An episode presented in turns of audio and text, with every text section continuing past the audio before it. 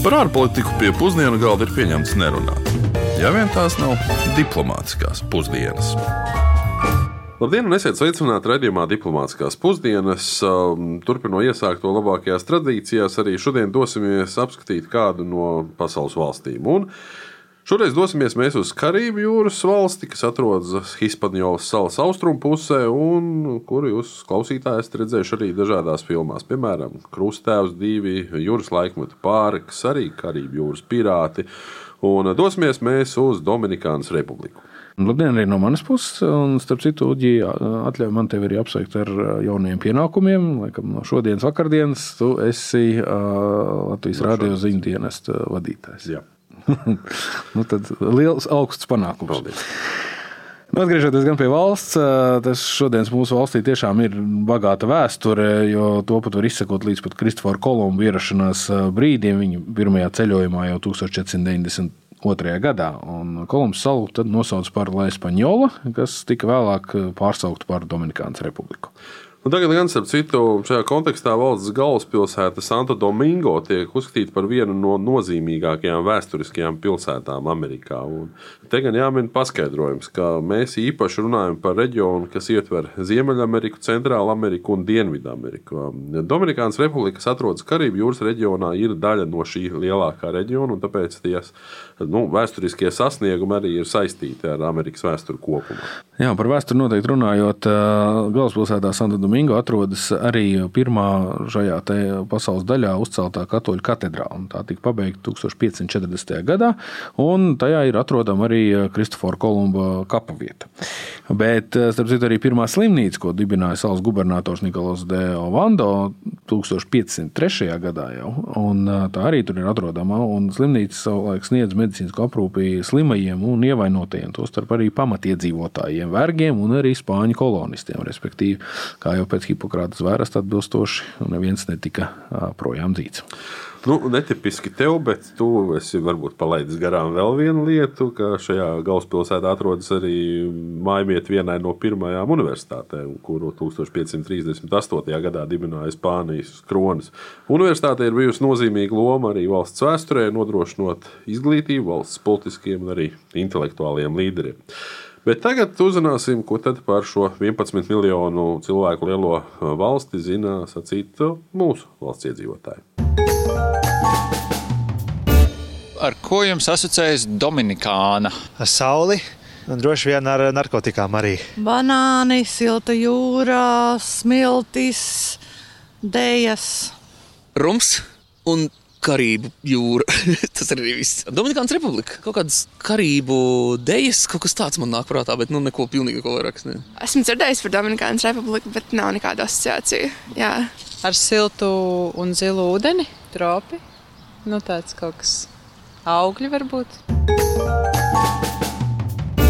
Šoreiz runājot par Dominikānu, mēs gribētu pastāstīt par tās politisko sistēmu. Dominikānas republika ir reprezentatīva demokrātiska republika ar daudzpartiju sistēmu. Un valsts politiskā sistēma ir balstīta uz salīdzinoši nesen 2015. gadā pieņemto konstitūciju.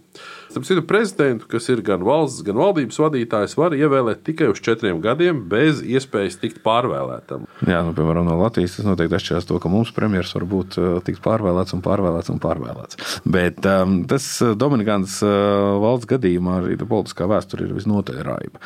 Un interesants fakts, ka valsts konstitūcija tika atjaunināta 2015. gadā, lai aizstātu iepriekšējo konstitūcija, kas bija spēkā kopš 2010. gada, respektīvi 5 gadus. Un tas tika darīts pirmkārt, jo Dominikānas republikā ir salīdzinoši jauna demokrātija, un tās pirmās demokrātiskās vēlēšanas notika 1962. gadā. Un kopš tā laika valsts ir piedzīvojusi autoritārās varas, apvērsumu, politiskās nestabilitātes periodus un arī biežas konstitūcijas izmaiņas. Nu, respektīvi, valsts vēsturē ir bijušas 39 dažādas konstitūcijas, kas attiecīgi atspoguļo šo valsts vētraino politisko dzīvi.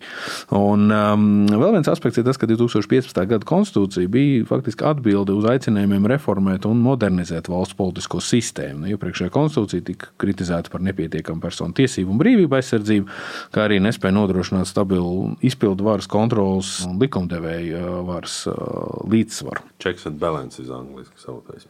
Kā jau minējām, tad Dominikānas republikā ir daudz partiju sistēma, un tas nozīmē, ka daudzas partijas sacenšas par pārstāvniecību valdībā. Lielākās no partijām ir gan atbrīvošanas partija, gan modernā revolucionārā partija, gan vienkārša revolucionārā partija, arī sociālo kristīgo reformistu partija.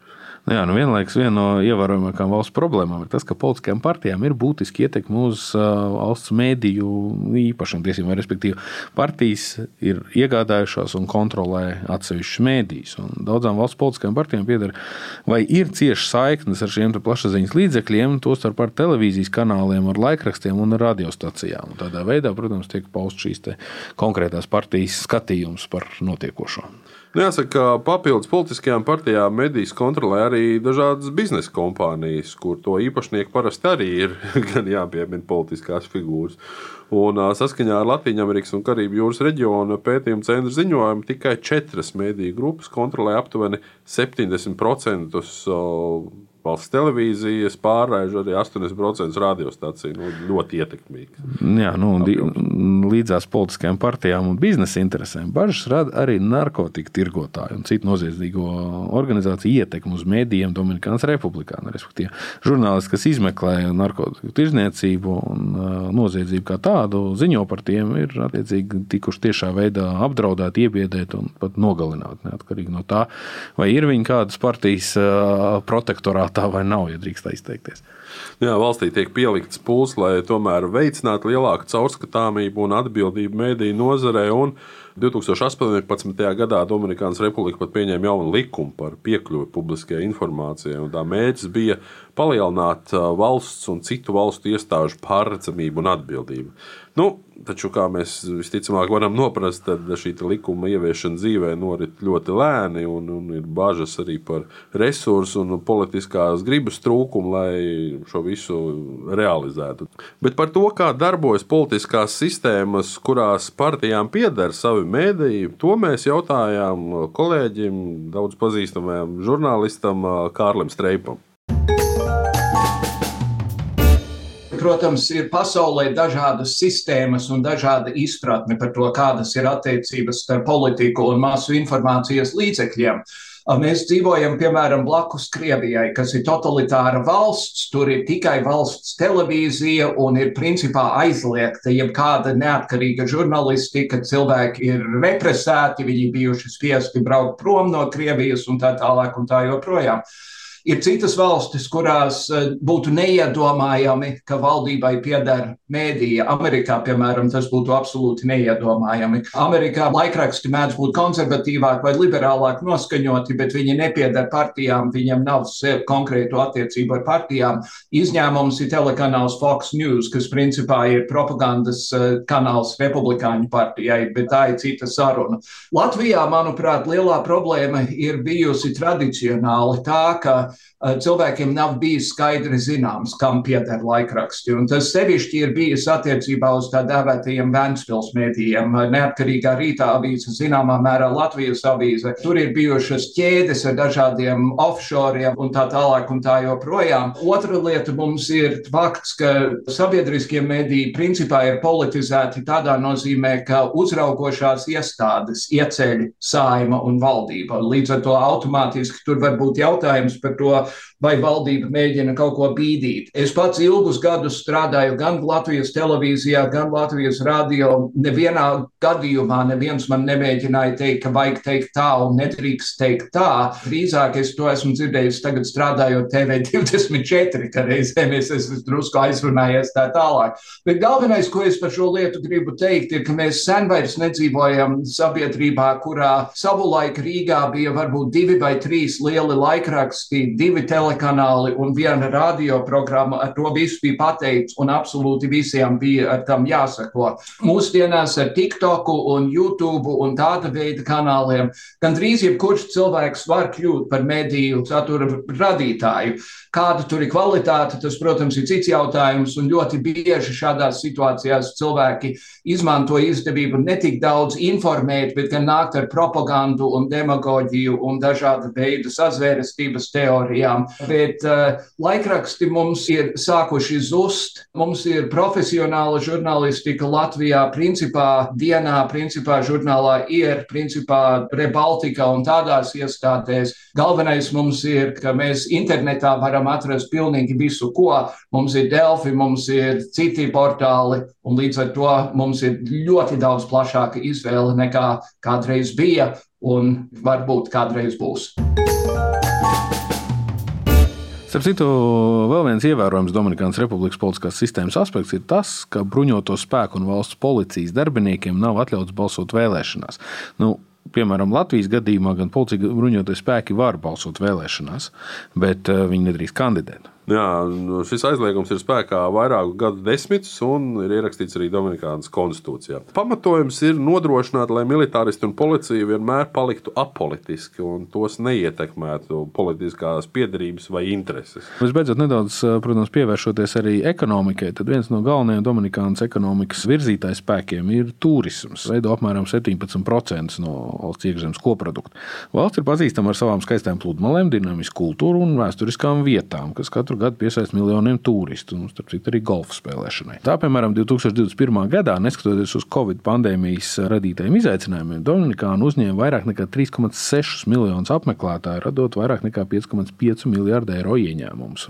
Vēl viena svarīga Dominikānas ekonomikas nozare ir ražošana. Valstī ir labi attīstīta apstrādes rūpniecība, kas galvenokārt koncentrējas uz tekstilu izstrādājumiem, apģērbu, arī elektroniku. Un valdība pēdējos gados ir īstenojusi nu, ļoti aktīvu politiku, lai piesaistītu ārvalstu investīcijas un ražošanas nu, nozare tiktu veicināta. Un tas ir arī, protams, novedis pie eksporta pieauguma un arī darba vietu radīšanas. Jā, bet kas man liekas uh, interesantāk, ir tas, ka lauksaimniecība ir visnotaļ nozīmīga loma valsts ekonomikā. Nu, tā veido apmēram 8% no IKP, bet nodarbināta ir gandrīz miljons iedzīvotāju. Un uh, valsts uh, ir pasaulē lielākais bioloģisko banānu ražotājs. Dominikānas Republika ir arī vienīgā vieta pasaulē, kur atrodams zilais pusdārgakmens Larimars. Nu, lai gan jāsaka, ka valdība ir sākusi ierobežot eksporta apjomu. Šajā gadījumā, protams, protams, samazina eksporta apjomu, samazina apjomu tirgu un palielinās cenu. Jā, nu, Dominikas republika tomēr joprojām saskaras ar ievērojamām problēmām, tostarp augstu nevienlīdzības un nabadzības līmeni. Nu, aptuveni trešā daļa iedzīvotāju pašlaik dzīvo zem nabadzības sliekšņa un arī ienākumu nevienlīdzība joprojām ir galvenā valsts ekonomikas problēma. Valsts IKP uz vienu iedzīvotāju pēc pirktspējas paritātes ir par aptuveni 14,000 eiro mazāks nekā Latvijā, tātad aptuveni 18,000. Lai cik būtu paēdis, vienmēr ir vieta arī desertam. Bet tagad laiks arī desertam, šodien parunāsim par kādu ļoti interesantu un arī unikālu Dominikānas aspektu, proti par valsts elektrotīklu. Jo valstī ir viena no vecākajām elektroenerģijas apgādes sistēmām pasaulē, un dažas šī tīkla daļas tiek datētas ar 1900. gadu. Nu, vienlaicīgi valstī ir viens no augstākajiem elektroenerģijas patēriņa rādītājiem uz vienu iedzīvotāju. Nu, saistībā ar veco elektroenerģijas sistēmu valstī ir viens no arī augstākajiem elektroenerģijas zādzību rādītājiem pasaulē. Un tiek lēsts, ka tiek nozagta apmēram 30% no valstī saražotās elektroenerģijas. Nu, attiecīgi rada zaudējumus uzņēmumiem un arī veicina šo augsto elektroenerģijas cenu turēšanos. Kāds interesants fakts par šo elektrotīklu ir tas, ka tas tiek galvenokārt darbināts ar naftu. Rezultātā valstī ir jāimportē liels daudzums naftas, lai darbinātu savu elektrotīklu. Līdz ar to tas var izvērsties par ļoti dārgu un neilgspējīgu pasākumu. Nu, jā, nu tas, protams, liek dēvēt uh, savā veidā elektroenerģijas sistēmu par valsts ekonomikas izaugsmas pašu vājāko vietu. Mēs runājam par sociālo-ekonomisko nevienlīdzību, bet nu, šī gadījumā arī šī elementārās infrastruktūras trūkums, elementārās energo energoresursu trūkums ir acīm redzot milzīgs izaicinājums. Un elektroenerģijas cenas valstī un neusticamais piegādes servis ir apgrūtinājuši uzņēmumu darbību un spēju konkurēt arī ne tikai pašas valsts iekšpusē, bet arī, protams, starptautiski. Un, uh, elektroenerģijas nozare papildus vēl arī nomoka korupcija un neefektivitāte. Nu, rezultātā, protams, neviens nevēlas investēt un uzturēt infrastruktūru. Nu, par spīti tam, tad Dominikānas Republika tomēr pēdējos gados ir investējusi arī saules un vēja enerģijā. Valstī ir arī vairāk saules vēja enerģijas parki, kas arī veicina šo elektroenerģijas dažādošanu. Bet ar šo mēs raidījumu arī noslēgsim, bet tikmēr lai visiem lieliski nedēļa. Pieminēšu tikai vēl noslēgumā, ka raidījumu veidoju es Kārls Bukovskis un mans kolēģis Juris Lībijams. Bet raidījumu palīdzēja veidot Aleksandra Palkova un Rihards Plūme. Uz sadzirdēšanos jau pēc neilga brīža. Diplomātiskās pusdienas katru otrdienu pusdienos Latvijas Radio 1.